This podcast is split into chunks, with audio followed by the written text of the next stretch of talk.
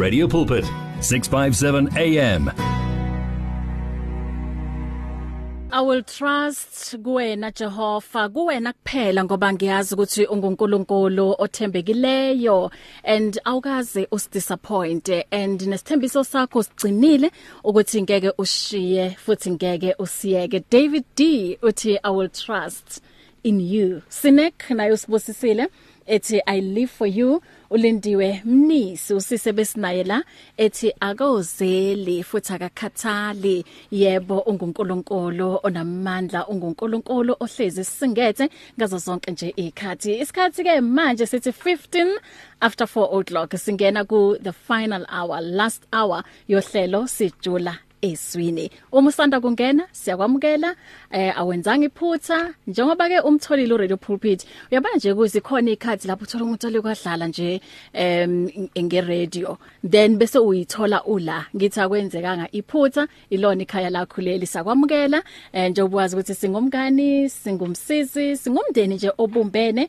em singumndeni nje okuthi uh, unothando lomndeni. Yazi ufudumele. So ufike ufike ufike kahle impela. Ungasithola na ku um DStv audio bouquet 882 noma usithole ku OpenView channel 607 nalapha ya ku Radio Pulpit app. Um siyatholakala. Kululu ku downloader i Radio Pulpit app iya ku Play Store bese uya type Radio Pulpit app download then liyavuleka page ya click la isha khona ukuthi listen live. Igama kubahlwa kanhlapo uhlelo sijula ezwini siyacwila ngempela kulona um until 5 o'clock. Isikhathi ke se discussion lesi kodwa uyazi ukuthi i discussion yethu kulolu suku ibhekise kubo ma uyazi namhlanje ni ku center bomama. ningama queen nimbokodo so sikhuluma ngani nje la nikhona?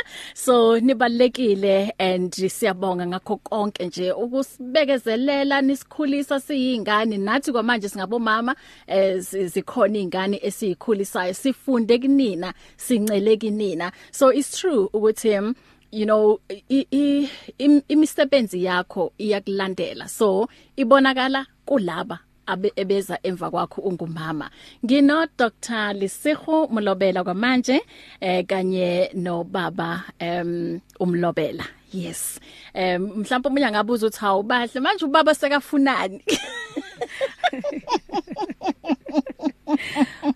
Yebo ubaba uyadingeka naye ngithi um a doc Yes yes yeah. ubaba uyadingeka uyadingeka. sometimes not yes. always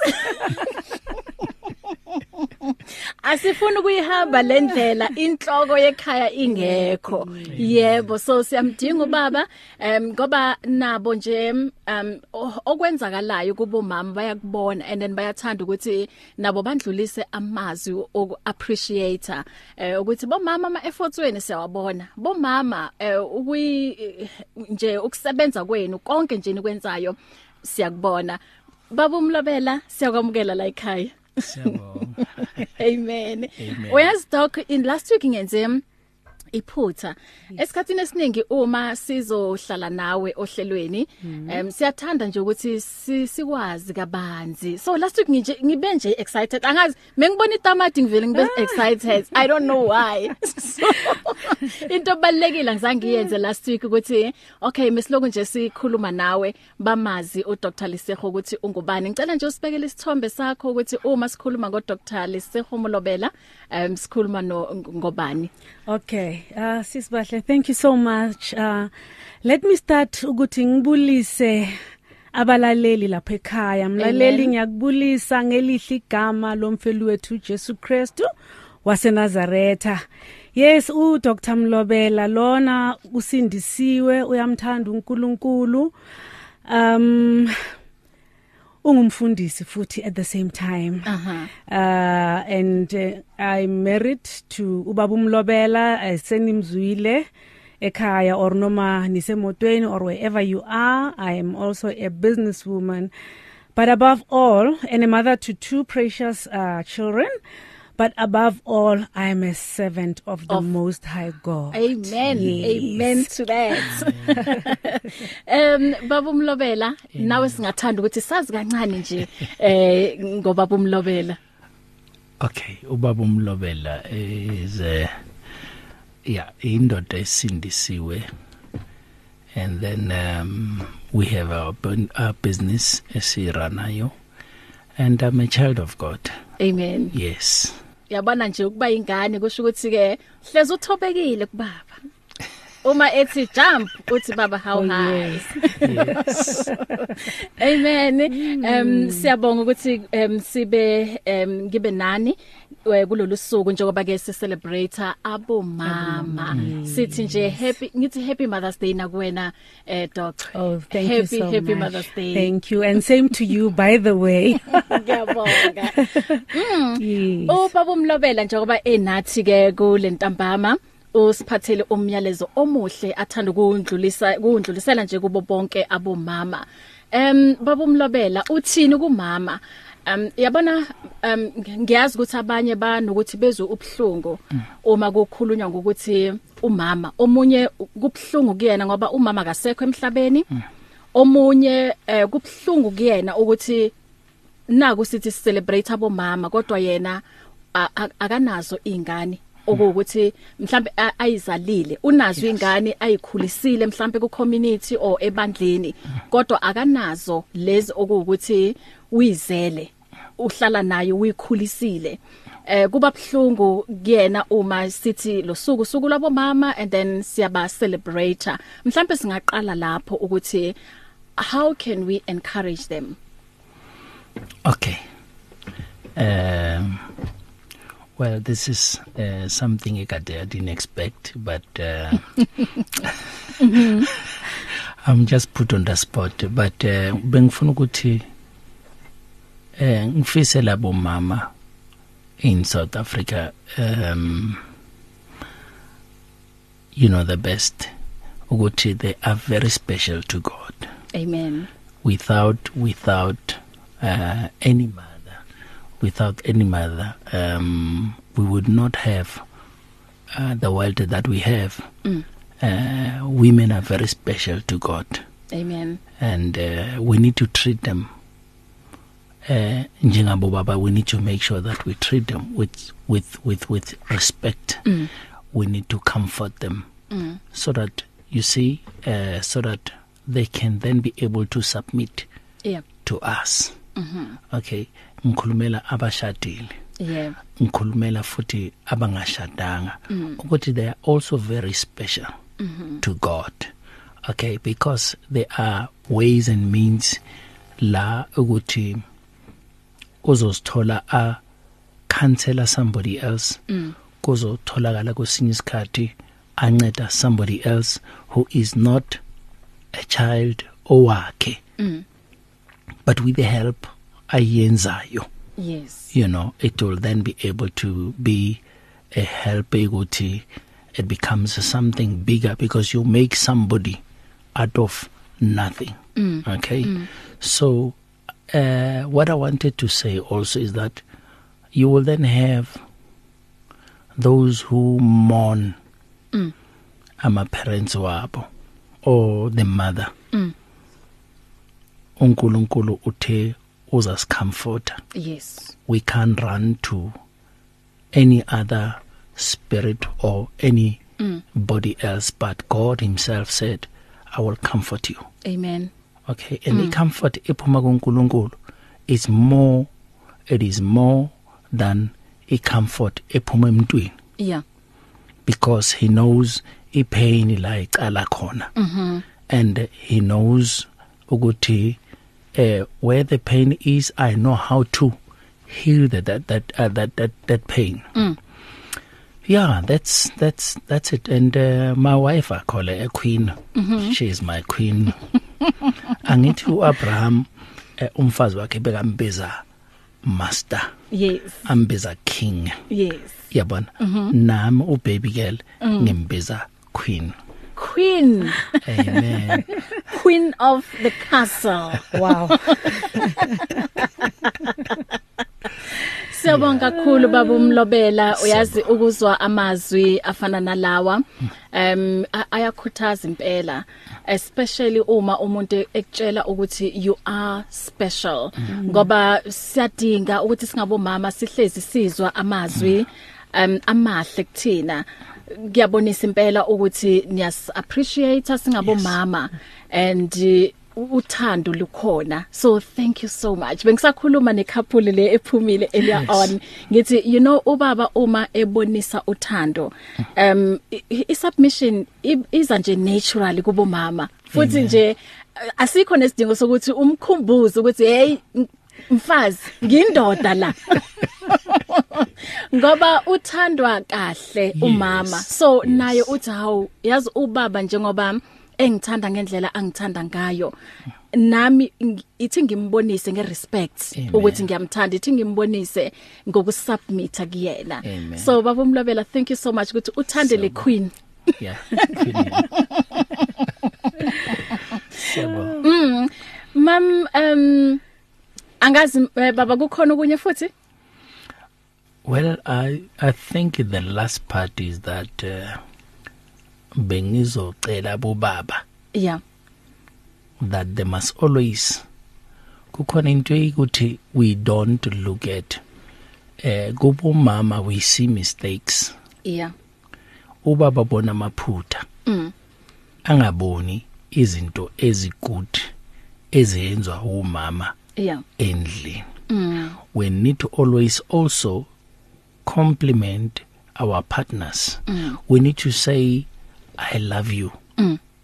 you know very often yeah because um if you don't do it somebody will say it to your partner or Yeah. to somebody else or to your wife or to somebody mm. and ekugcineni utholakala ukuthi uh, there is a change mm. but i want to say we must continue to love our partners and we must continue to love any woman any woman mm. we must treat them with respect amen and they I, I want to say again we must not abuse our wives mm. we must not we must not raise our hands amen to them mm. amen mm. it is very very important because um if you do that you you you you're killing yourself. Mm. Because we are here. Yeah. Because of them. Ubulala leli bloom. Ubulala leli blow and it's not easy ukuthi ibloom ulivuse uma selifile. I don't know ukuthi uzothatha isikhathi singakanani uzoye izitolo ufunana nezinto ukuthi uhlanganise la. Hayi bese kungasebenzeki. So ukuze ungayithola ugijima uyaphansi phezulu eh, ungena ko counseling yeyini ingena ama family meeting ukuthi le bloom uliphathe kahle. Ulinisele yazi Yes, ulinisele. yes. tholakale nje yonke into. And u- njoba uthi ukhuluma nabo baba hey i i- disturbing indaba ye ye gender based violence. Uyazi izolo ngizwe ubhlungu bengiku memorial service. Kubulawe u- umntwana ona 5 years.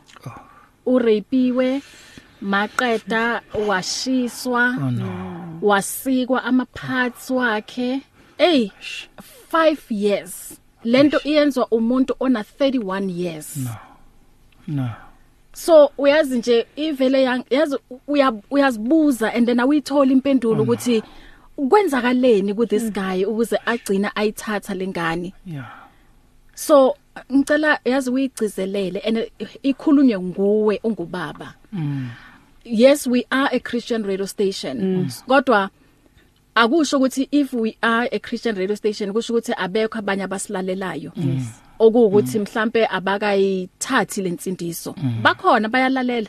And eh, abanye besihlezi sisamukela ama calls wabo uthola umuntu ecomplain why nikhuluma kanje? Yes nina abazalwane yabona nje lezinto lezo. So iyakho iyakhomba lento ukuthi okay bakhona abalalele. So ngicela sikhulume nabo baba. Yeah, I would uh, emphasize kubo baba ukuthi and this this statement that I make akusi statement esibheke umuntu ukuthi usindisiwe. Yeah. Um but it talks about a person. Mm. and uh, oyikuthi you know he thinks he's got more power and yet he hasn't got any power. Yeah. uNkulunkulu makaqeda kuyenza u u- u Eva ne? Utshela uAdam uthi uAdam uh yes your partner but she is strong you see. So it is important ukuthi siyenze sure ukuthi um when you are angry when you are angry i think the best way ukuthi uh you just need to make sure that you either go outside mm. um let's not yabona into ezezandla zokuthi umuntu ufuneka ashawe. Yeah. Um uh, uh they are not right. Mm. and umuntu ufuneka azibuze ecala ukuthi makechaya lo muntu Yeah. ukuthi umama mm. What does he benefit? Mm. What does he benefit? Mm. Because you are killing this soul that God has put so much in that soul. Yeah. and now you are cutting that soul so that it cannot be able to do what God wanted to do. Mm.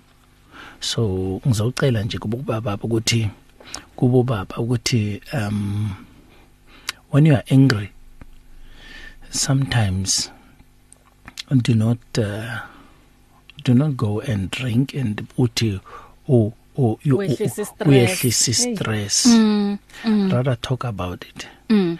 Do not get involved in an argument. Mm. between yourself and your partner mm. or between yourself and uh, nomuntu wesimame mm ubaba akahlale kuubaba ubaba he is a king and uh, uh, uh, make khuluma izwi lakhe Yes. liyazwakala mm -hmm. and depending ukuthi ukhuluma kanjani yeah Okay, and uh, yeah, I think that's it because uh, yeah, people must now ba Abu Baba they need to show us and uh, they need to represent us Mm. njengabo baba ukuthi uh they they they do away with this thing ya the abuse mm. eh ukuthi umuntu akwade besaphakamisa isandla. Yeah ngoba ayixazululi lutho. You will still have the same problem. Yes. Amen. Um njengoba kuyi Mother's Day eh umama nangu u- uladuze nawe and ngiyazi ukuthi mhlawumbe sowungijelile lokho. So imu i- i- iphi message ongayinikeza umama kwamanje? Ngifuna uku- yazi balizwe lolu thando engilibonayo mina. Angithi mina ngiyalibona bona bayalisa. Ngicela utshela umama um umyalezo nje. Yeah, baby girl, and uh, this is something very special, and uh, you know, uh, you are special in my life. I am where I am because of you. Wow. And uh, you are the one ukuthi maybe could I make mistakes, you correct me. And uh, one thing I love about you is that you never get angry you never get angry with me. It doesn't matter how many mistakes I make. You continue to love me. Yeah, that's it. You are very special in my heart. Oh Oh, thank you so so much. ah that is so sweet yes, so I must say thank you so much, my master. oh yeah, no. Mamlobela ngingasho nje ukuthi you are angazi more than blessed. I am more than blessed. And indeed. ngiyezwa ubaba yazi uphansi. Phansi. Mara vele ungamkwatela kanjani? Aphansi kangaka, umoya wakho uphansi kangaka. Uzokwata bese uyabuya futhi athi hi baby girl. Ngiyezwa ukuthi i- i pet name Mm, baby ve- girl. Baba Mlobela thank you so much um ngamazwi la amahle and thank you so much ukuthi um ukhulume na nabanye obaba ngoba kuyadingeka impela ngoba it seems like ngathi abo baba balalela abo baba nga- angithi bathina sikhuluma Oh, kakhulu yes. so ngiyacabanga ukuthi uma eh, ku- kuphuma kubaba ukuthi nani niyathinteka and nje bayalimosha igama lenu. Labo baba bayalidonsa nje odakeni and eh, kuba ngathi nje abo baba kusibona abantu abalungile so basesekhona. Bakhona. abo baba Yes. abaqotho abo Yes. baba aba right Yes. abaqotho abathanda amakhosikazi abo Amen. thank you so much Siyabonga. ngicela ukuthatha ikhefu doc um siyaqhubeka ngendaba la eh phela ku siya celebrate wa namhlanje Oh, so um siyathanda ukuthi nathi si celebrate nabanye omama so asenze kanje ngiyabuya Get in touch with the truth, the light, and the life. 657 AM. Many people across South Africa are being blessed and encouraged by the Radio Pulpit devotional magazine, The Word for Today. This publication places the gospel of Jesus Christ in the hands of more than 100,000 people every day, inspiring every person, from the professional businessman to the needy person who lives on the streets. Each edition contains daily scripture based devotionals and inspiring articles to help you grow spiritually. The booklet is given with the compliments of Radio Pulpit, but your donation, large or small, will help us to print the next edition and continue being the hope of the gospel to a world in desperate need. The word for today. Get yours today on 012 334 1200 or subscribe online at www.radiopulpit.co.za. Radio Pulpit, your daily companion. It's here. Radio Pulpit's new website is live. You can tune in at radiopulpit.co.za and enjoy crystal clear sound with just a click of a button or listen to our podcasts. Discover biblical truths in our daily devotionals and let our stories of hope inspire you. You can download our app on this new look, easy to use platform. Find your favorite program, get to know our presenters, and so much more at radiopulpit.co.za. Radio Pulpit, your daily companion. Come live the life at 657 AM. 657 AM. Silapho eh ku AM 657 isikhathi ke manje sithi 25 before um 5 o'clock. Ihora leli la singena khona kwi discussion yethu njoba ke namu i discussion yethu namuhla it's all about women it's all about mothers. Ukuthi ke sin appreciate kangakanani sinthanda kangakanani njengoba ke uzwile ubaba um esho la ukuthi yebo um abomama siyabathanda and abomama siyohlezi sibanakekela abomama siyohlezi nje sibahlonipha ngazo zonke ikhathi mm doc um okay kunomyalezo la uphuma ku Ayanda Funi uthi hi sister Bahle and Mulobelas family. Uthi yo powerful statement from ubaba Mulobela about submission. Impela uma sibambisene emshadweni eh kuba lula and kuba mnandi. Umam Ayanda Dube ungaleke eh standard 10 um hi oh okay someone compose me oh okay Lena uh -uh. all right um mama doc uyazi esikhathini esiningi kuthiwa um, abomama ne yes. ba strong. Mm. kuthiwa abomama ba powerful. Abomama eh babusekile. Kuma kungama statement yebo okuthi anamandla lawa. Mm. but ngalama statement uthola ukuthi ungumama um ubaba bekakhuluma ngokuhlukumezeka lana. Yes.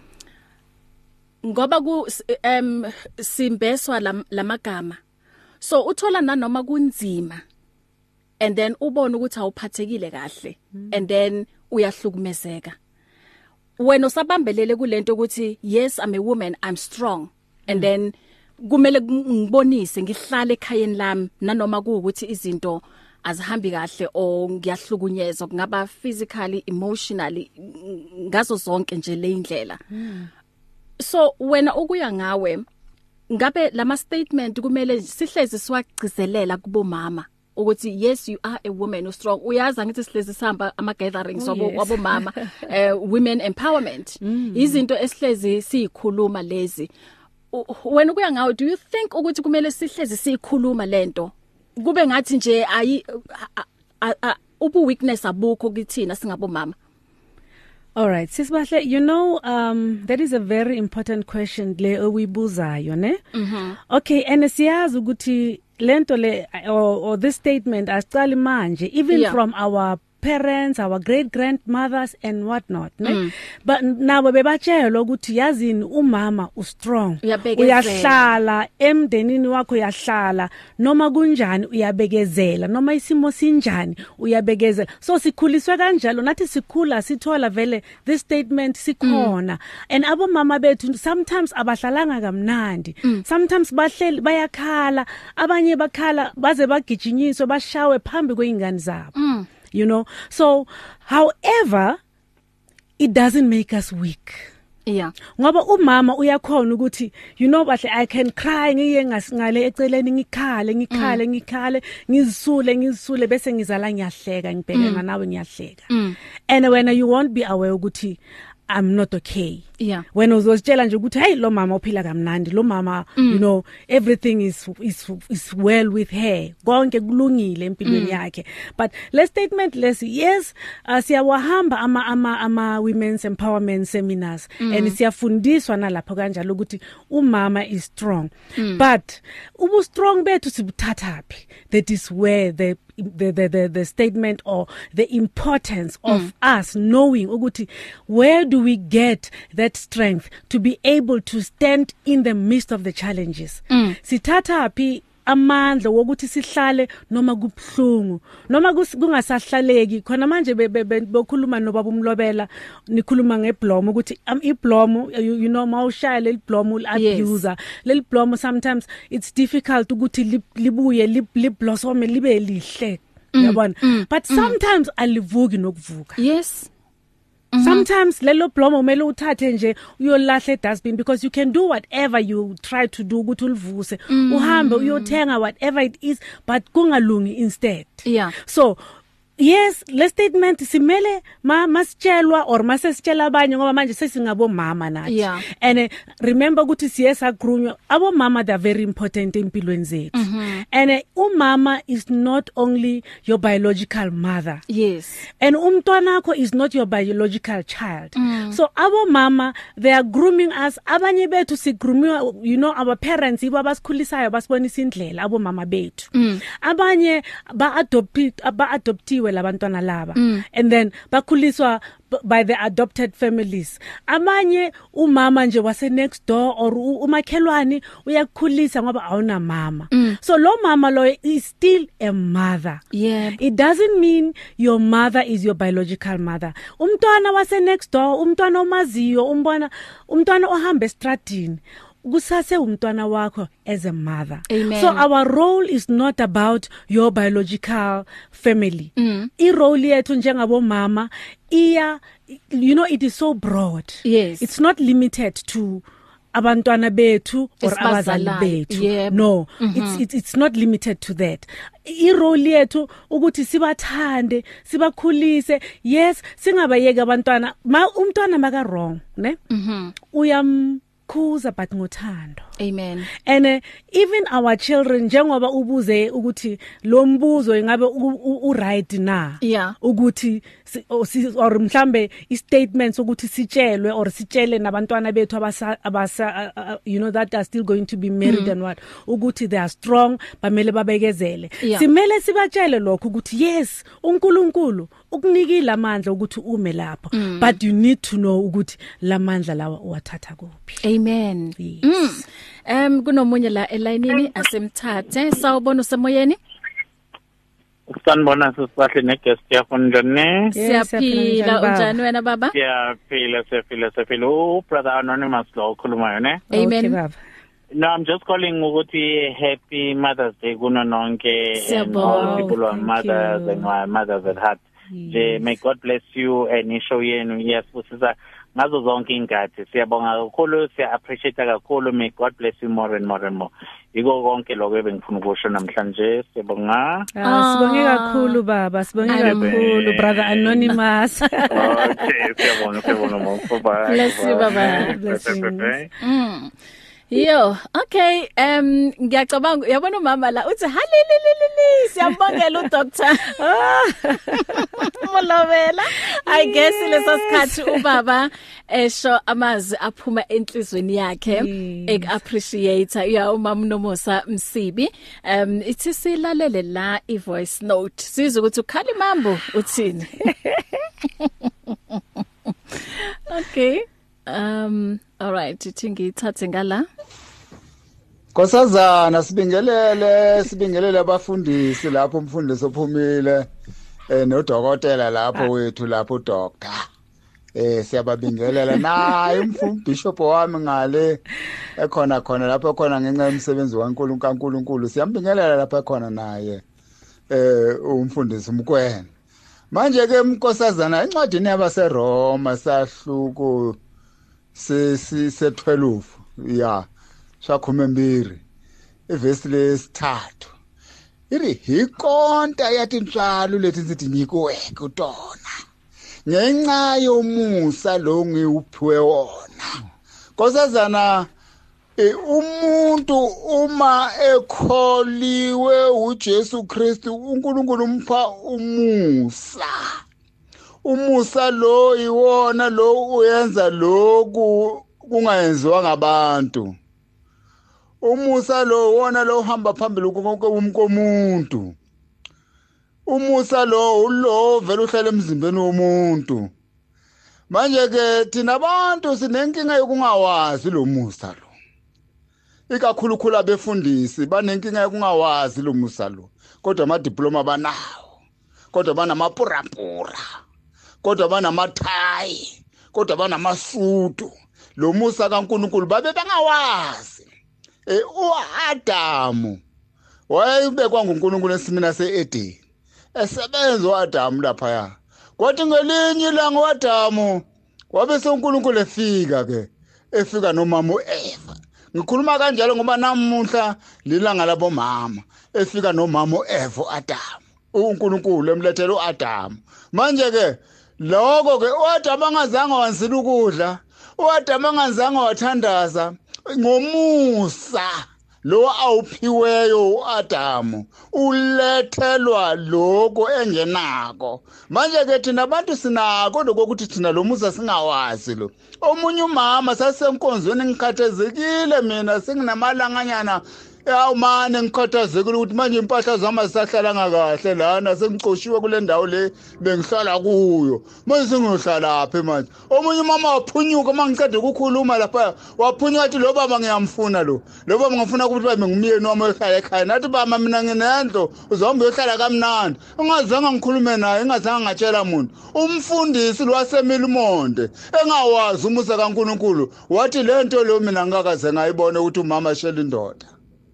Ngokuba abantu ngenxa yokungawazi umusa banelento yokushela. Hayibo banelento yokuhamba bajuluke. Kodwa abantu laba amazi umusa kaNkuluNkulu balethelwa umusa kaNkuluNkulu. Oh. kanti mama nkosazana okay. Hey. so abamama baye ukushela dog abayeke ukushela abayeke ukushela hayi hayi abomama mina angikaze ngambona umama oshelayo.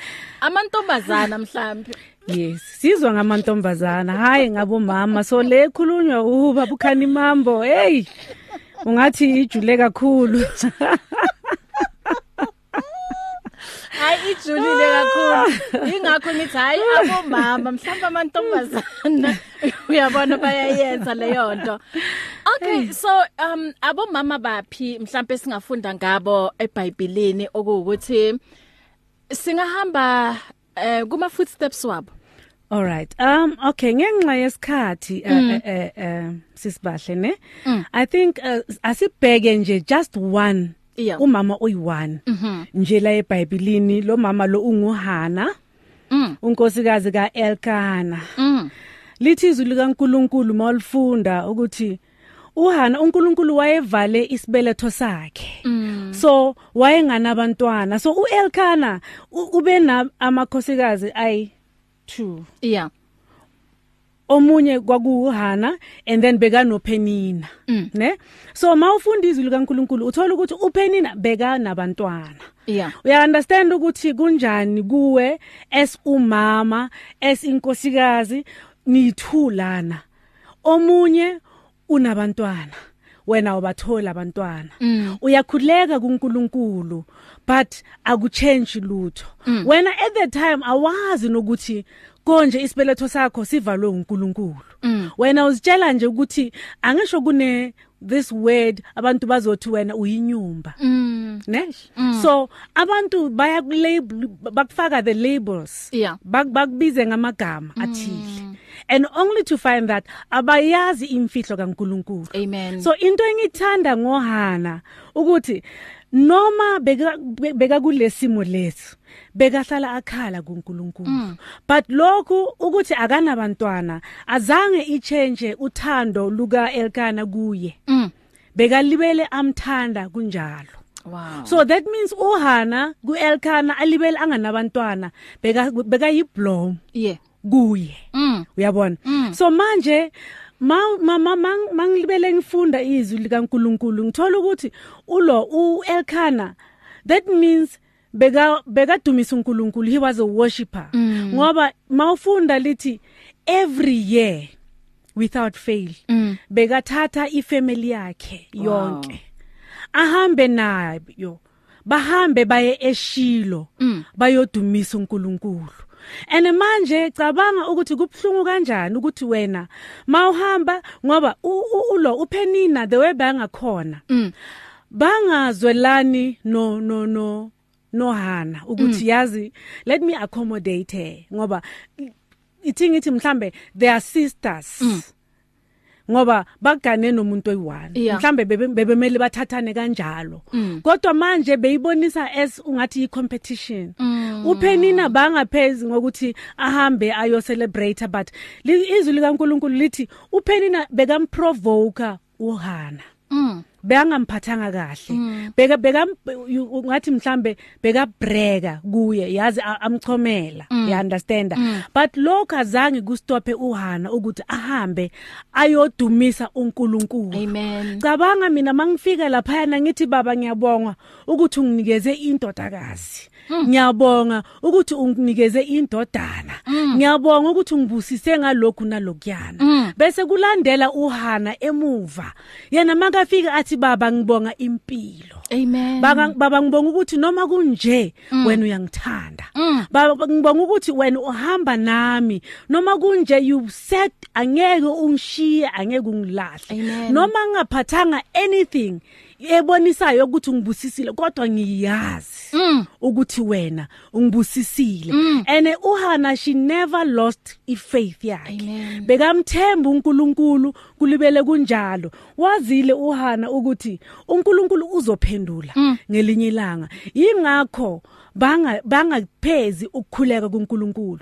Masifunda lithi izwi likaNkulunkulu uhana wayekhala kuNkulunkulu. Manje ngiyacabanga ukuthi mabalapha eShilo omunye makabonisa ukuthi nakho nalokho ungibusisile baba naba abantwana bami bayadlala la naba abantwana bami. Uhana and uhana akabonisi next mm. And uh, sometimes i think kuelkana bekabona uhana as if aka appreciate. Mm, but we cannot tr- simblame uelkana the way uhana beka bekafila ngakhona.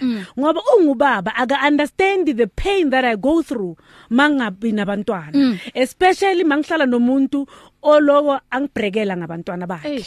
So ubaba does not understand.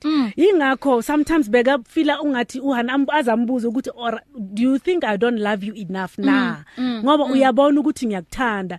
Izwi likaNkuluNkulu lithi noma baya eshilo uElkana bebanikeza ukuthi ba to like i, i whatever they gonna offer to God. Mm. but izwi likaNkuluNkulu lithi makafika ku- kuHana uElkana bekamnikeza double. Mm. bekamnikeza more than lokho akunikeza uphenina nabantwana Mm.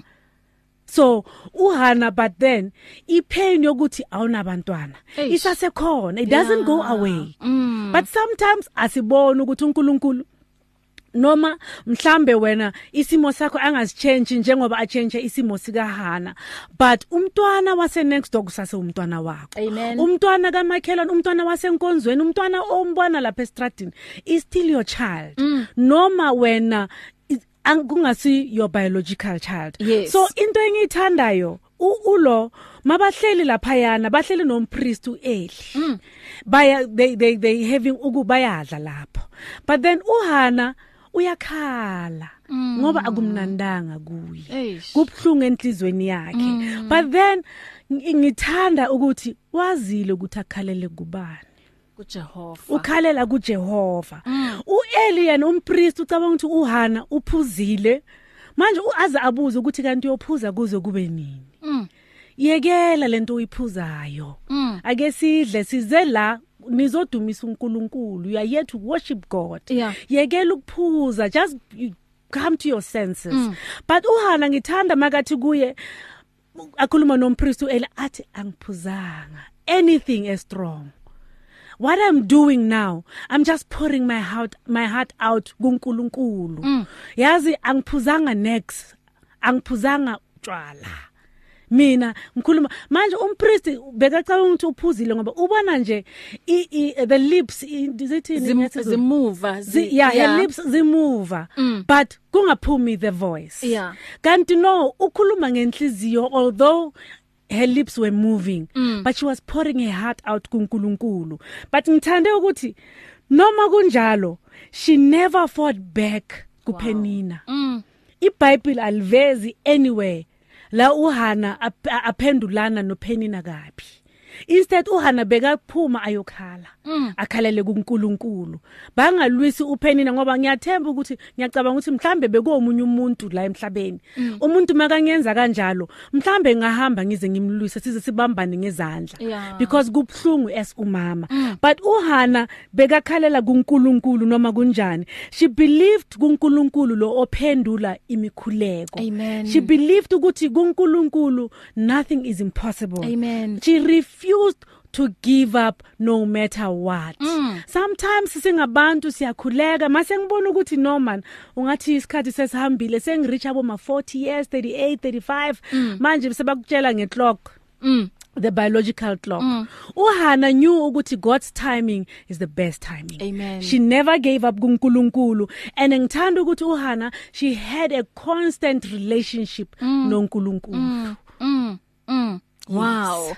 Um untombi Nhlapho uthi powerful wathi angidakwanga um wakhuleka. Yes, yebo yes, ilokho siyabonga. kwenzeka. Um kuhana. Hey isikhathi sami yabona siyagijima dog Hey lesikhathi Um, lesi man siyalahleka. Mina ngazi siya kuphi ngelanga lethu labo mama.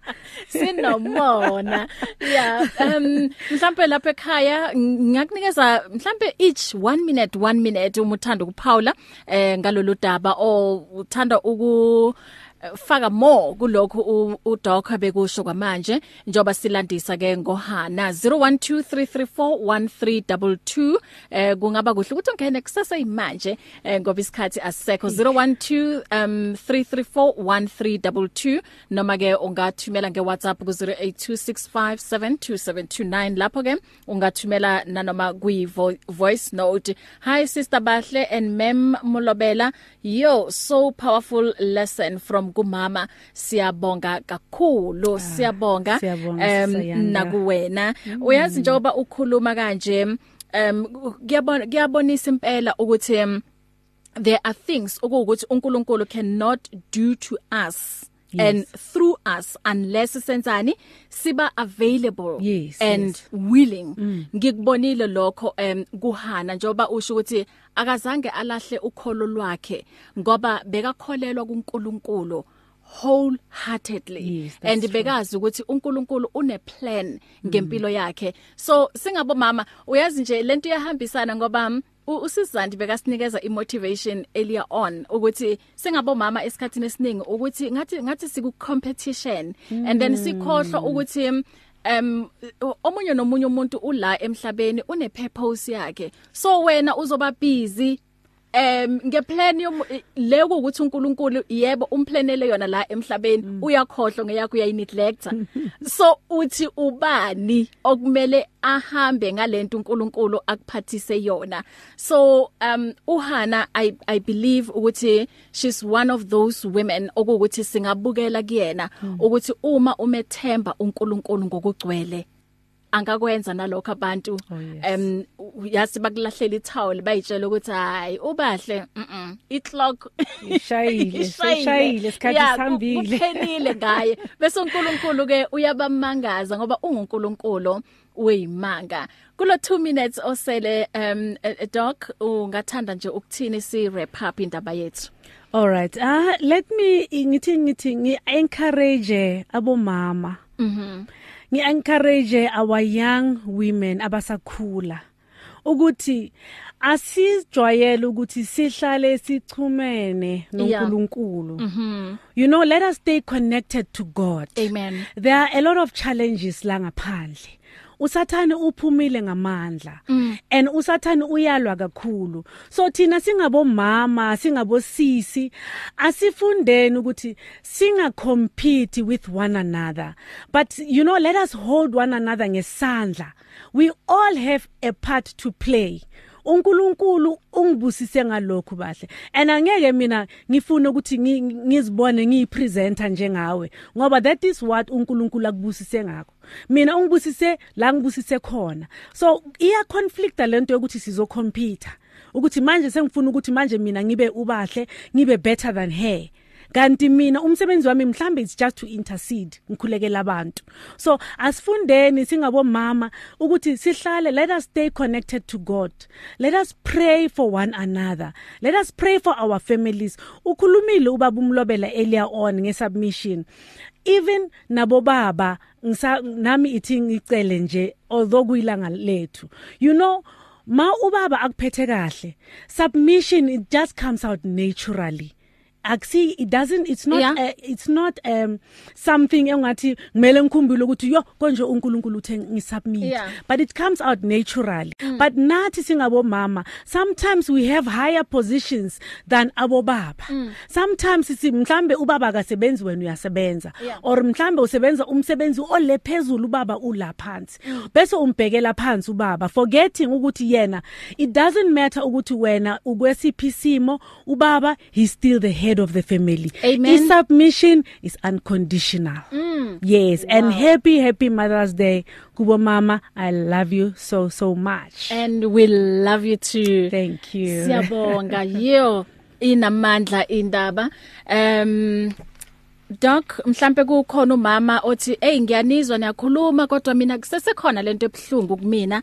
Em mhlamba ngathanda ukuthi akhulume nawe eceleni ukuthola kuphi? Oh yes. Uma mm. okay ungangithola ku my number is uh, 068 060 3266 068 060 3266 ungangithola nange email uh, it's lesego l e s e g o .molobela that's m o l o b e l a at gmail.com or even ku Facebook ungangithola lapho. Amen. Yes. Sikhona nakusasa angithi Ah, I mean next, next week week next week Sunday yes. same time we are here. Umfundisi uTamati naye uzobe Oh yes ekhona. uzoba khona. Eh baba Mlobela thank you so much ukuthi yazi us honor nje namhlanje siyabonga kakhulu amen amen Isikhathi ke sithi 1 after 5 uPastor Ray Khodi uyeza uzoqhubeka nawe until 7 o'clock. God bless you. Mina nawe sisonke nakusasa kuseni 4 am until half 5 komphatha latsane. If you need prayer, please send your request to prayer at radiopulpit.co.za or WhatsApp 067 429 7564 or go to Radio Pulpit website on www.radiopulpit.co.za. Reach your customers in the car, at the office, at home, or wherever they are, night or day. Through advertising with Radio Pulpit, you can reach a large, unique, and loyal audience in a most affordable way. With over 500,000 people on our various platforms, from Gauteng to the Cape, you simply cannot go wrong. So advertise today. Contact us on 012 334 1339 or for advertising packages that we offer, go to www.radiopulpit.co.za. Terms and conditions apply. You and 657 AM and life, a winning team on the road to eternity.